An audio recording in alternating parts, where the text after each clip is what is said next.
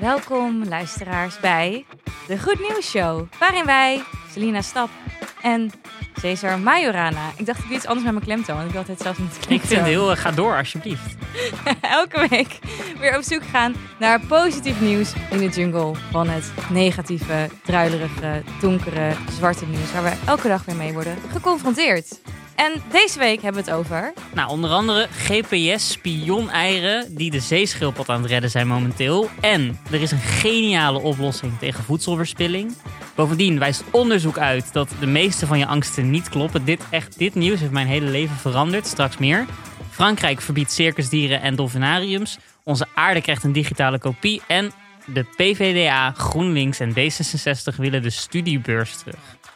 Is dat goed nieuws? Holy shit, dat is goed nieuws. Dat Oké. is echt het beste nieuws in maanden. Maar eerst, Selina, wat was het voor week voor jou? Ehm, het was een, eh, een, een leuke week. Je hebt iets grandioos besloten. Ik heb iets grandioos besloten waar jij het niet mee eens bent. Nee. Maar eh, ik, ik ga naar Stockholm een weekend.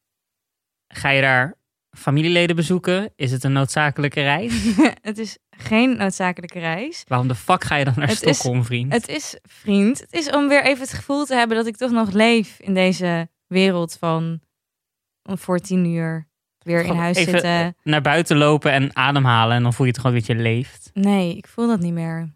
Hè? Ik moet echt, ik moet gewoon even, ik moet er even uit. Ik moet even weg. Ik word, ik word down. Ik word druilerig hiervan. Eh, en het is natuurlijk first world problems, I know. Maar Stockholm zegt, yo, eh, iedereen binnen de EU mag gewoon komen. No problemo. Dus Selina zegt, helemaal goed, ik kom eraan. Het mag vanuit Nederland, want ja, de kans dat ik het hier om de hoek in de supermarkt krijg, corona, is echt vele malen groter dan in Zweden. Want in Zweden zijn er namelijk het aantal besmettingen echt veel lager. En ze hebben nooit een lockdown gehad. Dus Maar je vindt het dus niet erg om door Schiphol heen te moeten? Nee, ja, of ik nou met een mondkapje op de trein zit of op Schiphol. Maar je weet dat ze zeg maar in het rioolwater bij Schiphol gewoon hoge percentages dus aan nog steeds virusgevallen tegenkomen. Hè? Ja, maar het is toch geen elk riool? Nou ja, maar ja, ik, ik weet niet man. Ik zou echt doodbang zijn. Ik, jij gaat gewoon... Ik, kan, ik zit hier echt in ongeloof. want Ik kan me dus niet voorstellen dat je dat, dat je dat... Ik vind zeg maar de supermarkt al eng. Laat staan dat ik vlieg naar een ander continent en daar naar de supermarkt moet. Ja, maar de supermarkt in Amsterdam is ook een stuk enger dan naar Zweden toe gaan. Want het aantal besmettingen in Amsterdam is veel hoger dan in Zweden. Ja. Maar kijk, ik, mijn visie is, ik doe gewoon alles wat mag. Dus als iets niet mag, dan doe ik het ook niet. Maar dit mag. Dus dan doe ik het wel. Ik doe alles wat bij mij zegt, dit mag niet. Nou, oké, prima, doe ik het niet meer. En dit mag wel. Nou, dan doe ik het wel. Want ja, het is, we zijn er al bijna een jaar in. Als je een jaar alleen maar angstig bent en niks meer leuks durft te doen wat jouw leven verrijkt. Ja, dat, daar, dat, daar ga ik gewoon niet voor. Want ik kan morgen voor een bus vallen. en Oké, oké, oké. Ja, Nu zo kom je wel is met, het. met de YOLO-retoriek. Dit is waarom mensen in 2014 zeg maar onveilige seks hadden. 2014? Die YOLO-shit. Hoezo? Was dat niet 2014? Ja, dat was 2014 toch? Wat? Dat je YOLO riep bij dingen. Dat dingen gewoon YOLO waren. Dat YOLO gewoon een, een levensmotto werd. Ja, YOLO. YOLO. Ik ga naar Stockholm. YOLO. Coronavirus. YOLO.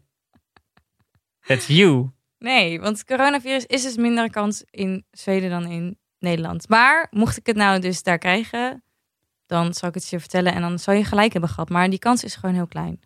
We gaan het allemaal meemaken. Het zou echt grappig zijn. Oké, no Dit wordt echt de season het, finale van onze podcast. als jij het hè? ineens toch hebt gekregen terwijl je de hele fucking tijd zo bang bent. Maar eh, genoeg over mij. Wat was, eh, wat was jouw week? En trouwens, als mensen boze mailtjes willen sturen of zo naar mij, mag gewoon. Mag naar de Goed Nieuws Show. Gmail.com. Eh, mijn week was oké. Ik, ik ben wel, ik merk nog steeds angstig. En ehm, ik heb gewoon wel zin. Laten we het nieuws bespreken, man. Laten we er gewoon in duiken. Ja? Oké.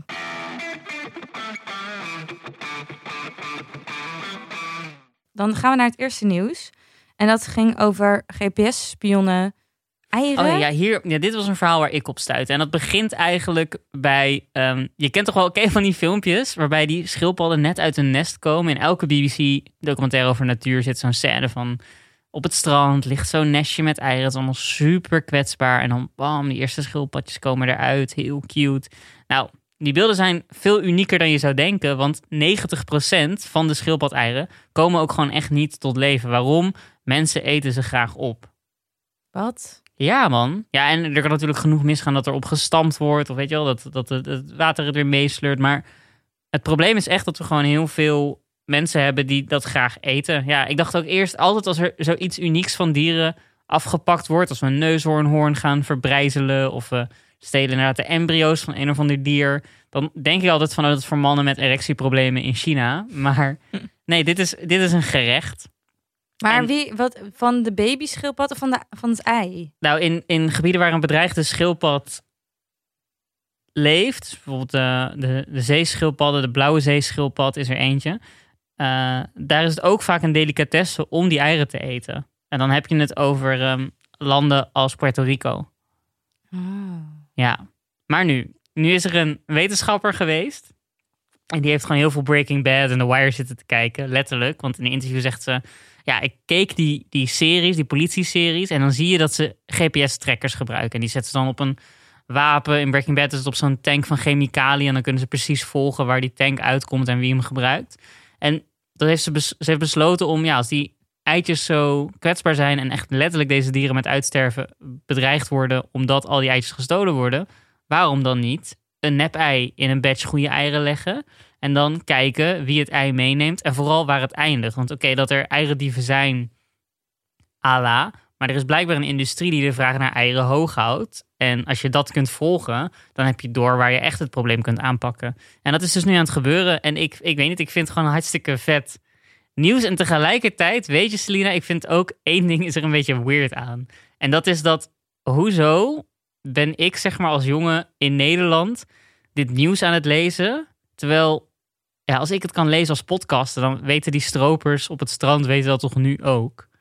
Dus die kunnen dan nu toch gewoon rammelen aan de eitjes. Ja, ik denk van ja, als wij het nu weten, dan is het nieuw- nieuws. En dan is dat nieuws daar bij die stropers ook weer bekend. Maar ik ben nog meer in de war van dat waar weet, hoe weet zij waar een nest ligt? Want die ligt toch onder, die ligt toch onder het zand? Want zo'n schildpad komt dan uit, uit de zee in het zand en dan gaat zo flup, flup, flup graag, graven en dan eitjes inleggen en dan het zand erover. En doen ze dan snel, voordat het zand overgaat, doen ze snel flup, dat nep-eitje ertussen. Eh, nee, ze houden gewoon in de gaten waar die... Want die nestjes die worden ook opgegraven door de dieven. Dus ze houden gewoon in de gaten waar... Ze zijn gewoon eerder dan de dieven om nestjes op te sporen. Ah, oké. En ze leggen er dan een, een, eh, ja, een nep-ei in. Het, heet ook, het project heet ook Investigator Egg. Haha. Lekker woordspelingen van je. Ja, nee, ik heb de, de, de eitjes, ik zit de eitjes, ik zit te bekijken. Het lijkt ook een soort pingpongballetje. Je kan het ook zo, dit kan iedereen in zijn tuin kan gewoon een nep schildpadden-ei maken. Maar lijkt het wel echt op het schildpadden of is het echt een gek pingpongballetje ineens ertussen? Nee, het ziet er wel het ziet er goed uit. Zeker, want weet je wel, in de vroege ochtend ga je dat natuurlijk stropen. Dus dan, ja, het ziet er wel goed uit. En natuurlijk in de wetenschap zijn eh, decoys, of zeg maar valse, eh, valse dieren al wel vaak gebruikt. Je hebt bijvoorbeeld ook eh, van die penguin, gev- penguin-shaped robots in Antarctica. Zodat ze kunnen kijken hoe die Ja. leven. En eh, je hebt ook neppe babygorilla's in Afrika. En ja, dus nu deze neppe eieren echt als een oplossing op het grote probleem van het uitsterven van zeeschildpadden. Goed nieuws. Echt wel goed nieuws. Ja, als we het toch over dieren hebben, heb ik ook een leuk nieuwtje voor jou. Oké, laatste dierennieuwtje. Want Frankrijk voert maatregelen in voor dierenwelzijn en verbiedt circusdieren en dolfinariums. Ehm, ook dus dolfinariums, want wij in Nederland hebben al langer een verbod wat betreft circusdieren. Ehm, maar in Frankrijk nemen ze toch een stapje verder en moeten ook de dolfinaria eh, het langzaam gaan afbouwen. Dus het is niet dat ze vanaf de een op andere dag eh, moeten stoppen, maar ze moeten eigenlijk ja, het fokproces eh, moeten ze afbouwen. Ehm, eh, en ja, naarmate er steeds minder dieren zijn, gewoon naar ouderdom, wordt het ook steeds minder. Ja, moeten ze gewoon gaan afbouwen met met dat pretpark. En wordt het gewoon, op een gegeven moment verdwijnt het dan. En dan krijgen ze daar wel een soort vergoeding voor. Als het te weinig is om nog bezoekers te ontvangen. En ik vind dat heel goed nieuws, want ik ben echt tegen dieren gebruiken voor ons plezier. Ik vind echt dat het. Dat, ik ben ook tegen dierentuinen en dolfinariums en circusdieren sowieso. Dat je kunstjes moest doen als dier om een soort van in leven te kunnen blijven, vind ik echt fucked up. En dierentuinen vind ik ook echt fucked up, want je hebt gewoon een heel klein verblijf waar die dieren de hele leven moeten verblijven. En dat is echt Maar, maar, maar er is toch ook wel heel veel pro-dierentuin geluid in de wereld. Omdat juist dierentuinen zich ook, sommige dierentuinen zich in ieder geval erg inzetten om bepaalde dieren die in het wild gewoon echt niet meer kunnen overleven door veranderende omstandigheden, dan wel in een dierentuin kunnen overleven. Ja, maar dat percentage is echt heel klein vergeleken Ah, met gewoon dieren die ehm ter vermaak daar gewoon zitten. Ik weet niet of je ooit een arts bent geweest, maar als je bij de olifanten kijkt, denk je echt, god, die arme olifanten, die hebben zo'n klein stukje, ja, ik lach, maar het is echt niet grappig, zo'n klein stukje grond om te kunnen, eh, ja, om te kunnen leven. En dat ik is weet ook niet nodig dan dat die, dat die olifanten in Artis in Amsterdam, in het centrum van Amsterdam, nodig zijn om die olifanten te laten overleven. Dan, dan zouden we dat geld moeten investeren in eh, eh, betere leefomstandigheden in, de, in het land waar zij wonen. Vind ik. Dus ik vind dierentuinen gewoon heel zielig. En ik vind dolfinaria. Maar is het ook, Ook niet een beetje antro antropomorfisme? Dat je dus zo naar een dier kijkt. Dat je denkt, die, want ik denk ook dat alle dieren verdrietig zijn. Maar ik heb een keer een tour gehad door eh, bij West Cap Secret. Welke? Dat is Beekse Bergen Safari Park. En toen zei ik tegen die man van... Goh, hoe weet u nou of die giraf blij is? Want hij ziet er wel... Eigenlijk, ja, hij ziet er een beetje sip uit, man. En die, eh, die man die daar werkte, die vertelde mij van... Goh, dat lijkt zo, maar eigenlijk deze giraffen zijn heel blij. Misschien zelfs iets te blij, want inderdaad in een dierentuin hebben ze het zo comfortabel dat ze gewoon een beetje lui worden ook. ja, maar Ze dat zeiden ze ook zin meer om... in Blackfish, in SeaWorld, over de orka's en de dolfijnen. En dat is ook niet zo. Van, oh nee, ze zijn eigenlijk super blij. Dat is Dat wat is ze doen als ze blij joh. zijn. Nee, heel vaak bij dierentuinen is dat gewoon niet zo. Als je kijkt naar, er is ook onderzoek geweest naar tijgers en leeuwen die dan zo heen en weer lopen, of ijsberen, dat soort beesten. Dat betekent dat ze mega gestrest zijn als ze zo de hele tijd heen en weer lopen. Daar is onderzoek naar geweest. Dus als je een, een, tijger of ijsbeer of panter gewoon de hele tijd zo du du du heen en weer ziet lopen. Ik doe nu iets met mijn handen. maar mag Beekse Bergen dan ook niet meer? Weet ik niet. Dus eh, aan de dierentuin circus snap ook ik wel. Circus altijd zo, want je ziet zo voordat je Oh nee, dat in, in dierentuinen mag in Nederland wel gewoon nog. En in Frankrijk ook. Ik denk ook omdat het gewoon wat meer geaccepteerd is. En dolfinariums zijn ook pas in een slecht daglicht gekomen. Eigenlijk na Blackfish en het hele gedoe met SeaWorld. Eh en toen is ook een soort schaduw op het hele idee van dolfinariums gekomen. Ja, toch. Nu, nu komen we er ook achter dat er, dat er letterlijk trainers zijn geweest die seks hebben met dolfijnen en zo. Nou ja, die ze aftrekken. Ja, dat gebeurt nog steeds. Man. Want dolfijnen hebben zelf gewoon heel vaak seks. En ze moeten dat kwijt. Anders raken ze dus ook gestrest. Dus daarom eh, eh, trekken ze ze af. In ieder geval goed nieuws dat het in Frankrijk wordt verboden. En dus hopelijk ook in Nederland. En ik hoop dat we uiteindelijk ook toegaan naar verbod op dierentuinen. En als ze dan een olifant willen zien, moeten we gewoon heel lang sparen voor een safari. Die hopelijk dan ja, wat bro, beter echt is. moet je dan een vliegtrip maken? Of in ieder geval gewoon geld doneren aan plekken die echt zorgen voor het behoud van die, van die omstandigheden. Daar kan ik me in vinden. Goed zo. Dan is er... eh ja, Celine, jij, jij, bent, jij bent helemaal niet zo'n koker. Heb je nog steeds HelloFresh? Nee, je mag geen reclame maken en ik heb niet HelloFresh. Oké. Waarom ben je ermee gestopt? Nee, ik heb het wel, ik heb, ik heb het wel, nog een maaltijdbox. Alleen ik heb niet HelloFresh. Oh, je hebt een andere box. Ja. Oh, oké. Maar heb je dan nog steeds dat er... Heb je nu ook echt geen verspilling meer? Of heb je nog steeds wel eens dat er iets in je koelkast blijft liggen wat je dan weg moet Nee, gooien? ik heb echt bijna geen verspilling. Wat knap. Ja. Ah ja. ja. Ik heb ook weinig verspilling, maar ik ben iemand die gewoon riskant leeft. Dus dan kijk ik gewoon... Ik Dat zegt hij zelf. Als het gaat om dingen in mijn koelkast. Ik vind het wel leuk dat je zegt dat je riskant leeft. Als het gaat om dingen in mijn koelkast. En ik had... eh, eh, dus ik, ik gooi... Ik denk dat ik weinig weggooi. En dan zo nu en dan is er toch iets waarvan ik het niet zeker weet. En dan ga ik googlen. En weet je, ik kom eigenlijk als ik google van... Wanneer is, eigenlijk, wanneer is een broccoli niet meer goed? Als bijvoorbeeld aan de ene kant zo het helemaal verkleurd is... kan je dan de andere kant gewoon gebruiken? Daar is eigenlijk nooit goed eenduidig antwoord op. Veel komt echt neer op kennis. Gewoon fysieke kennis van hoe ruikt en voelt iets wanneer het bedorven is. En wanneer het net half aan het bederven is. En wil je het dan wel of niet eten? Nou, er is een oplossing op van een bedrijf wat trouwens in Nederland zit. Want Too Good To Go box hebben we hier ook. En Too Good To Go heeft een product ontwikkeld, een sticker. En die sticker die heeft de geur van rot voedsel. Dus van rotte eieren, van rotte havermout, bedorven sap, bedorven bier, bedorven ontbijtgranen en bedorven eieren. Daar hebben ze stickertjes van gemaakt. Die kun je dus op het product plakken. En als je de houdbaarheidsdatum van het product nadert en nou, je bent er een paar dagen over en je wil weten, kan ik dit sap nog drinken? Dan, dan doe je het net als vroeger met van die geurkaarten in de diddel. Je hebt van die diddel tekeningen, toch? Die hadden geur. Ja. Of iets anders met geur. Je had ook Pokémon kaarten met geur. Maar daar scratch je, dat zijn van die scratch en sniff kaarten. Nou, daar, daar wrijf je op, dan komt er een geur los. En die geur is de geur van hoe dat product zou ruiken als het rot is. En als het overeenkomt, dan weet je, hé, hey, dit moet ik niet drinken. Daar word ik ziek van. Ah. Maar vind- vette oplossing, toch? Gewoon stickertjes met de geur. Ja, ik vind het wel goor klinken, maar het is wel een goede oplossing. denk Ik vind het eigenlijk ook wel spannend. Ik denk ook, ik wil die stickers gewoon sowieso hebben, man. Heel, nee, goor. Je had toch vroeger ook van die, van die ruikbommen en dat soort... Ja. Vieze dingen. Gewoon alles met, vies, met vieze lucht vind ik gewoon snel dat ik denk, nee. Ja, maar als, je, als het je kan helpen om te weten of het bier in je koelkast nog goed is. Ja. Ik weet niet, man. Hè? Ik dacht dat je dit vet zou vinden. Nee, ik vind het gewoon een idee dat ik dus naar iets heel goors moet ruiken om te weten of mijn Maar eten misschien moet ik je even vertellen, het zijn kleine stickertjes. Hè? Ze zijn echt even groot als je duimnagel. Ja, Dus het is niet een groot vies oppervlakte wat je moet ruiken. Het is erger als het hele sap vies is.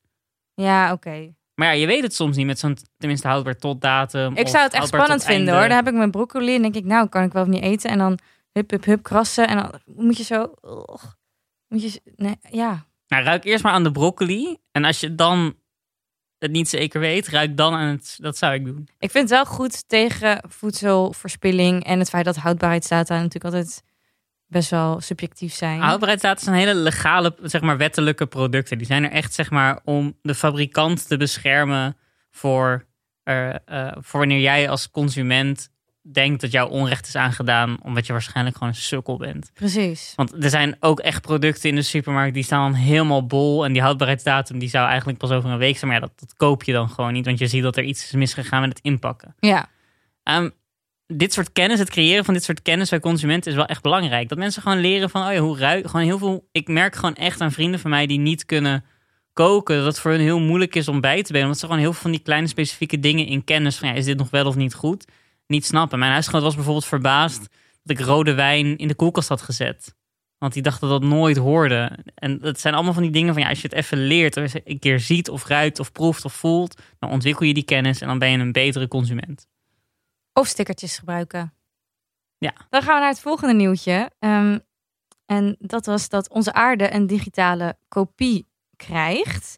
Ehm, dit is mijn, eh, mijn korte nieuwtje nog. Vind het heel Ja. weird klinken. Ja, en er komt dus eigenlijk. ehm, er wordt heel veel geld ingestopt vanuit de Europese Unie om een digitale versie van de aarde te krijgen. Dus precies hoe de aarde nu is, hoeveel mensen er leven, eh, hoe het klimaat is. En het is heel specifiek met allemaal algoritmes. Wordt die digitale, specifieke ja, tweelingkopie eigenlijk van de aarde gemaakt. En wat ze daarmee willen bereiken is dat dus ze eigenlijk veel beter kunnen voorspellen dat als er iets gebeurt op de aarde, wat dat dan voor consequenties heeft op meerdere lagen van het ecosysteem. Dus bijvoorbeeld als er een eh, droogte is in een bepaald gebied, dan gaan eh, mensen die daar wonen eh, gaan weg uit dat gebied. Maar dat is, je ziet uiteindelijk in, dat, in die digitale kopie niet alleen van oké, wat heeft dat voor effect op het gebied, maar ook oké, die mensen gaan verhuizen, want die kunnen daar niet meer wonen. Waar gaan die dan waarschijnlijk naartoe? Wat heeft dat voor effect dat die mensen erbij komen op dat gebied? Het klinkt Hoe echt gaat als dat de meest oplossen? complexe game van SimCity op aarde. Het is Sims XXXXL. Het is gewoon een niet normale versie van The Sims. Het is gewoon de Sims Earth. En, Oké, en is hebben gewoon superveel variabelen er dan ingestopt. Dus gewoon echt alles wat er kan gebeuren. Alles wat er kan gebeuren. Dus het is ook heel Maar is het gek aan de wereld niet juist dat je dat nooit echt weet? Toch zo'n butterfly effect. Als er ergens een, een vlinder in zijn vleugels beweegt, dan kan de stroming van, het win, van de wind iets catastrofaals veroorzaken eigenlijk. Omdat Nou ja, het is ook niet van dit gaat er sowieso gebeuren. Maar ze berekenen gewoon wat het meest waarschijnlijk is wat er gaat gebeuren. Ah. En hoe je daar dan op kan eh, handelen. Dus uiteindelijk is het ook de bedoeling dat ze via dit systeem... Wat trouwens 8 miljard gaat kosten. Wacht even, was dat wel. 8 miljard voor een digitale 8 kopie van de miljard. aarde? Ja, maar uiteindelijk kan je dus zoveel beter voorspellen wat er eh, gaat gebeuren en waar we op moeten handelen. Dat het uiteindelijk hopelijk dus heel veel catastrofes zal eh, voorkomen. waardoor dat geld dus waard is. En, Dus, en kan het, ehm, maar oké, dit, dit is go- goed nieuws. Maar wie, welke partij, wie zit hier dan achter? De Europese als- Unie, Oh, die betaalt dit. Maar het is voor de hele wereld. Dus ze gaan informatie ook wel delen met de rest van de wereld. Alleen zij willen dit, zij willen dit heel graag nu doen. En zij, hebben ook, zij kunnen samenwerken om dat geld er ook in te investeren. En als je ook van China en Rusland of wat dan ook afhankelijk zou moeten zijn, wordt het natuurlijk al een stuk lastiger. Dus eh, het is echt vanuit de Europese Unie dat dit, eh, dat dit nu komt. wat vet. En kunnen wij als gewone stervelingen, geen beleidsmakers, er ook naar kijken of iets invullen? Nee, volgens mij niet. Het is echt alleen voor ehm, wetenschappers die daar nu mee te maken hebben of data-analisten die ervoor werken. Ja. Maar als je ergens 8 miljard voor betaalt, wil je het ook voor jezelf houden natuurlijk. Ja, dat, dat denk ik wel. In ieder geval, het is niet bedoeld voor mensen die eh, niet, geen verstand hebben van wat, wat dit dan inhoudt. Maar het zou hopelijk wel heel veel catastrofes, rampen, et cetera kunnen. Ja, maar dat ligt aan goede beleidsmakers nog steeds. Maar dat is waar. Oké, heb je is er beeld van hiervan? Hoe heet dit? Ik wil, ik wil wel even zien, zeg maar, hoe onze digitale aarde, hoeveel pixels. Hoeveel pixels? Nou, ze, gaan, ze zijn dus nu bezig met de ontwikkeling ervan. Dus het is nog niet af. Oh, Dus ik kan je niet echt laten zien hoe het eruit ziet. Daar is ook nu geen beeld van. Maar mocht dat wel zo zijn, dan laat ik het je uiteraard zo snel mogelijk weten. Maar het is in de ontwikkeling.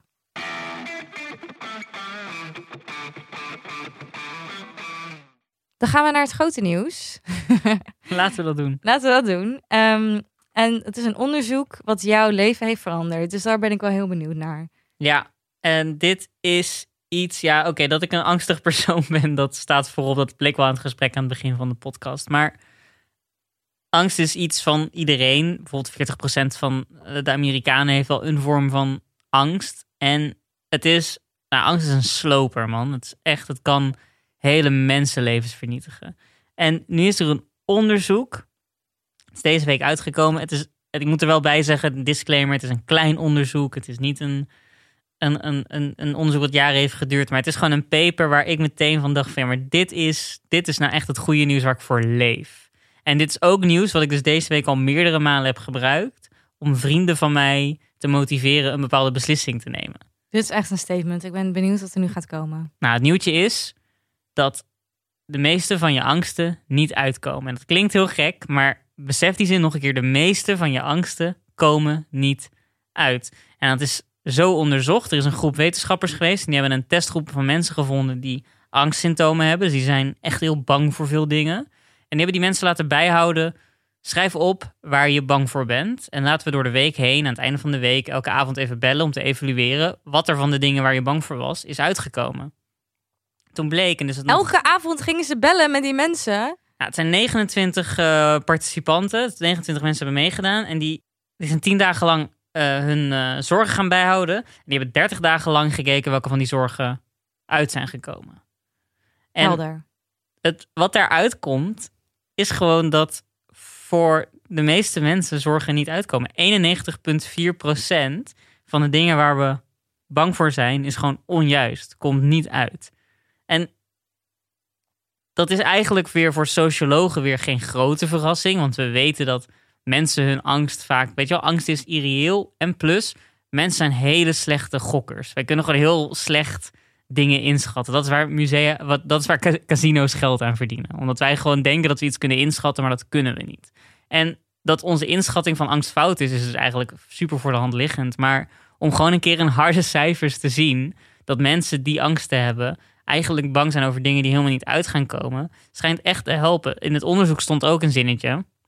eh, dat was namelijk ook een aanname die ze maakten. Van goh, als we kunnen bevestigen dat de meeste valse aannames niet uitkomen, dan is dat natuurlijk een super, dan is dat super belangrijk voor de behandeling van iemand. Want als jij erachter komt dat jij heel de tijd bang bent, dat, dat, eh, dat je, je vrienden je gaan opbellen om te vertellen dat ze niet meer bevriend met je willen zijn of iets anders, dan helpt het gewoon echt om te weten dat dat niet aan het gebeuren is en dat de kans dat het gaat gebeuren ook gewoon echt heel klein is.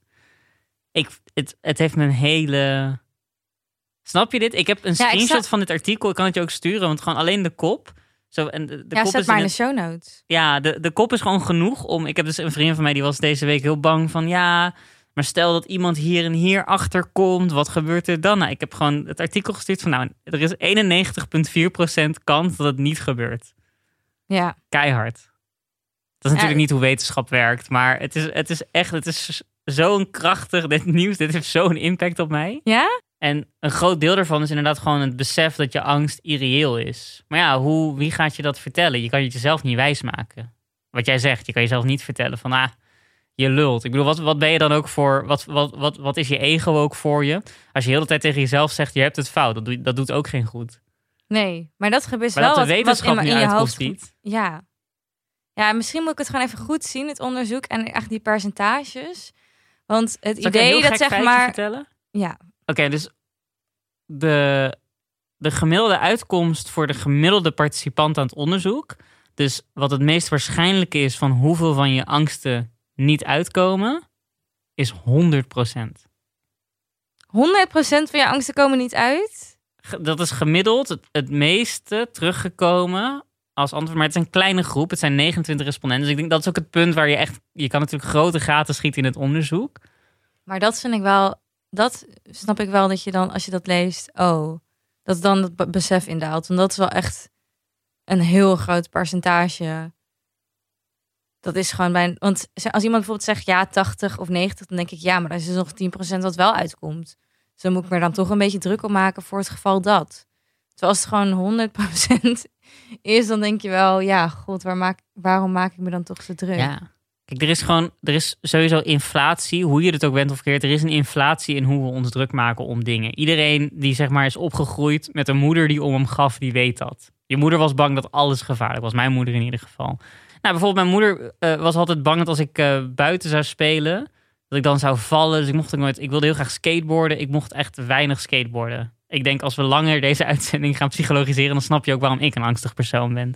Ehm, dus wat gebeurt er in mijn jeugd? Ik verlies een tand omdat ik een AA-drinkflesje probeer open te maken met mijn tanden en dan opeens schiet die zeg maar eruit.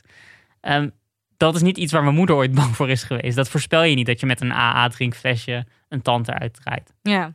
En zo zijn dus ook inderdaad de dingen die je overkomen zijn ook totaal niet te voorspellen. Je verwacht altijd van nou op deze datum gaat er, heb ik een examen, dat is het einde van mijn, mijn leven. En dan opeens op een dinsdagmiddag word je gebeld en dan hoor je dat iemand ziek is. Weet je dat, dat iemand waarom wie je geeft kanker heeft. En dat zijn nooit de dingen waar je bang voor bent geweest al die tijd. Maar dat zijn wel de dingen die uiteindelijk significant je leven ontwrichten. Ja. En waardoor dus blijkt dat al die tijd waar, waar je bang voor was voor iets anders, Was voor niks is geweest. afleiding. Ja. Ik voel dat we nu ook, ik voel mezelf langzaam het territorium inglippen van een positiviteitsgoeroe podcast. Ja, dus zullen we, hè? als, zullen we alsjeblieft dit nieuwtje gewoon hier eindigen? We eindigen het Ik hier. link maar het ik, ik, onderzoek in de show. Ja. Ik vind dit, ik vind iedereen die soms te maken heeft met angst in zijn leven, eh, check eventjes dit onderzoek. Het is heel kort. Ik zal ook een wat artikel, iedereen is, want iedereen is, heeft angsten. Zeker. En het is een heel klein onderzoek, maar ik zal ook het artikel, eh, eh, hoe ik dit vond, eh, even met je delen. Want ja, ja, het is echt, ik heb er heel veel aan.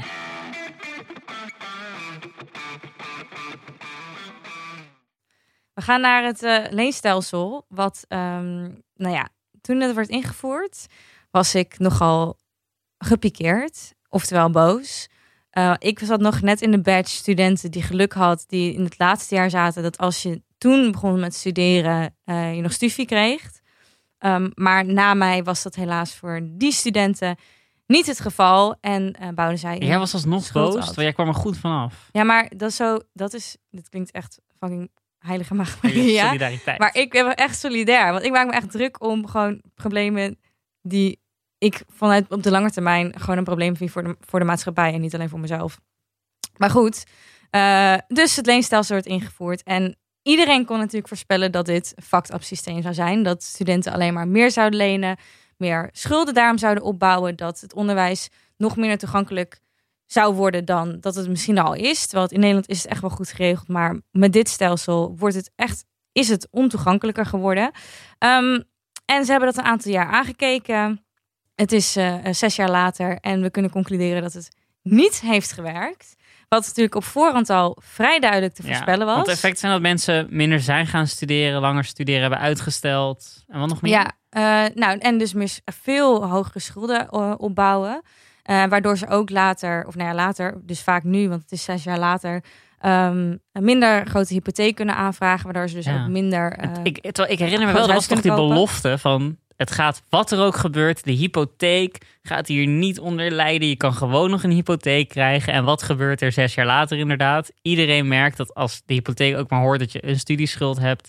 Bam, je wordt er helemaal uitgenaaid. Ja, en ze zeiden wel van, nou, we gaan dat, we gaan dat eh, proberen te verminderen, want ze merken dat het echt een probleem is onder eh, starters en jongeren. Maar ik heb even gekeken bij een hypotheekverstrekker van, oké, stel ik heb een studieschuld, hoeveel wordt het dan meegenomen in eh, het feit dat ik een hypotheek wil aanvragen? Nou, stel je hebt een studieschuld van 20.000 euro, wat nog best wel, nou ja, aan de lagere kant is. Veel mensen hebben nu rond de 50.000 euro.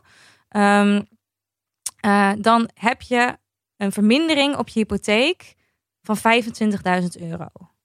Als je 20.000 euro studieschuld hebt, dan gaat er dus 25.000 euro af van wat je zou kunnen lenen. Maar waarom? Omdat dat is echt wel Omdat substantieel. ze dan denken van... Je, bent, je was zo skeer dat je die studie niet kon betalen. Nee, die ja, het is 5000 gewoon- euro ga je ook niet. Iets wat jij nog terug moet betalen. En ze gaan ook uit van een rente. Maximale rente natuurlijk. Oh, ja. Ja. Dus ik, dat is echt best wel substantieel. En het idee was toen zes jaar geleden van dat die eh, miljard, het miljard, het is namelijk een miljard bespaard, eh, zou worden geïnvesteerd in, eh, in het onderwijs. Nou ja, daar is natuurlijk echt vrij weinig Oei. van terecht gekomen. About die miljard. About die fucking miljard, inderdaad. Als je ook kijkt, ze hebben ook heel veel jaar geen, niet weergegeven in welke projecten dat miljard dan is geïnvesteerd. Hè, waarin wij als studenten of wij, andere mensen als studenten, dat kunnen merken. Ehm, uiteindelijk gaat het echt om betere leerplaatsen of beter online onderwijs of dat soort dingen. Nou ja, dat is nu natuurlijk best wel relevant. Maar uiteindelijk is het feit of je wel of niet een hele hoge schuld opbouwt voor veel studenten echt belangrijker dan of je meer studieplekken hebt, ja of nee. Maar wat is, nu, wat is er nu aan het veranderen precies? Nou, je ziet nu na zes jaar dus de effecten van het feit dat zoveel meer studenten een schuld opbouwen. Daar ook eh, dus niet meer baantje, bijbaantjes nemen omdat ze snel willen afstuderen. Omdat ze in de periode dat ze studeren dus een schuld opbouwen. Dus nu zie je die effecten en nu zeggen toch veel partijen... oh ja, dat was toch eigenlijk niet zo'n goed idee. Laten we kijken of we dat kunnen terugdraaien. En dat zeggen dus nu PvdA, GroenLinks en D66. De partijen die het in eerste instantie trouwens steunden. Wat Nooit ik nog steeds fucking schandalig vind. D66 bloed aan iedereen's handen. en PvdA en GroenLinks. Laten we PvdA vooral niet vergeten, want het is echt totaal niet sociaal. Maar goed, daar hebben ze toen wel voor gestemd. Maar ze willen nu terug naar een basisbeurs. En eh, ik denk dat dat heel goed is. En wat ik wel echt fucked up vind voor de afgelopen generatie studenten. ehm, die krijgen, die hebben natuurlijk geen basisbeurs ontvangen. Die krijgen een compensatie. Oh, dat is wel al besloten. Ja, waarschijnlijk, dat willen dus deze partijen. Oh, Ehm, maar dat wordt dan, wacht, ik moet het even bijpakken. je krijgt net als bij de KLM krijg je vouchers. Voor als je nog een keer bij de LOE Oh ja, studeren. wacht, ik zal het even. Studenten die tussen 2014 en 2018 nog niet ten volle van de nieuwe middelen konden profiteren, maar wel al moesten lenen, nieuwe middelen eh, bedoelen ze mee, meer studieplekken en dat soort shit, krijgen zoals eerder afgesproken bij een afstuderen een studievoucher Ja, nee joh. Ter waarde, ter. Nee joh. van 2000 euro. Daarmee kunnen zij in de toekomst bij erkende opleidingen extra onderwijs volgen, om hun cv op te poetsen of in deeltijds onderwijs te gebruiken. Denk ik, bitch, Nee joh, dat is netjes. Wat? Nee, alsof je 2000 als je euro, daar kun je een master mee doen. Ja, maar als je afgestudeerd bent en je hebt al een master gedaan, wat ga je dan in godsnaam nog met die 2000 euro studievoucher doen? Je bent genaaid in die periode, in die zes jaar. Je Kun je niet gewoon een leuke genaaid. wijncursus ervan doen? Of een goede kookcursus in Sicilië? Je moet bij een erkende opleiding extra onderwijs. Het is niet, ga Ah. maar lekker een, een yoga cursus in Italië volgen. Dat is het niet. Het is gewoon een hele generatie nu van jonge dertigers die allemaal schuld hebben. Want ze allemaal een paar jaar geleden klaar waren met school en net zeg maar... Ja, En echt rond de 30, 40.000 euro. Ja. Toevallig ook de generatie die nu het meest depressief is. En dat snap ik ook wel als je zo naar je bankrekening moet kijken. Ja.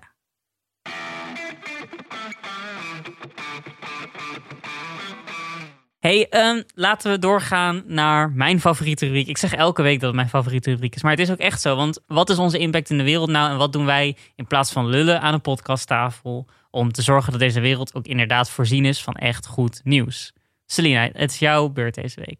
Ja, ik heb, ik heb een stukje natuur gekocht. Huh? ja. Oké, Bill Gates, rustig aan. En wat ga je doen met die natuur? Nou, ehm, ik ga zorgen dat dit onderdeel wordt van een groter stuk natuur. En ik zal het even toelichten wat het nou precies is wat ik heb gedaan. Ehm, wat ik een probleem vind in Nederland is dat 67% van het Nederlandse land landbouw eh, is. Dus dat is weiland, dat wordt gebruikt voor, eh, nou ja, voor het landbouw. Ehm, en daardoor hebben we eigenlijk best wel weinig echte natuur in Nederland. We hebben gewoon heel veel weilanden met niks. Ja. En nou is er dus een instantie, dat heet Landschap. Nou ja, ik heb het even over Noord-Holland, want ik heb het specifiek gekeken naar Noord-Holland nu. Landschap Noord-Holland. Die zegt van nou eigenlijk willen wij als dat soort eh, gebieden vrijkomen voor de verkoop, dat wij dat opkopen, zodat het natuurgebied wordt. Dus zodat we er Ah. bomen gaan planten, of dat het voor vogels broedplekken worden, of dat we gewoon meer natuur krijgen in Nederland. En dat vind ik een heel goed initiatief, want ja, we verliezen heel veel natuur, er wordt veel meer gebouwd, er worden meer wegen aangelegd, ehm, maar dat wordt eigenlijk niet echt gecompenseerd. We hebben ook zo weinig in Nederland. Daarom. Eh, en dus 67% is fucking weiland. Ehm, dus ik heb een stukje grond gekocht. Dat heeft mij 30 euro gekost. Dat is 4 vierkante meter. Dat is best wel groot, man. Ja, voor 30 euro is toch eigenlijk niet zo heel duur. Maar je kan ook al het bijvoorbeeld doen voor 7,50. Dan heb je 1 vierkante meter. Ehm, en eigenlijk wat de bedoeling is, dat dus heel veel mensen eh, dit gaan doen. En dat ze uiteindelijk ze gaan streven nu naar 48.000 vierkante meter. En we zijn nu bij, of we zijn, ze zijn nu bij 34.913 vierkante meter. Wat dus al allemaal door individuen gekocht is. Wat dus uiteindelijk door hun weer natuur wordt gemaakt.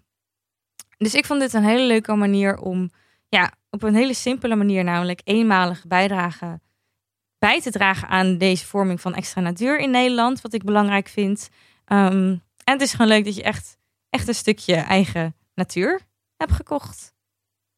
Oké, maar is het, maar want je hebt natuurlijk veel van dit soort services op het internet. Je hebt er eentje, kun je een stukje land kopen in Schotland en dan mag je jezelf de titel Sir geven. Je hebt er eentje dat je een ster kan kopen ergens in het universum.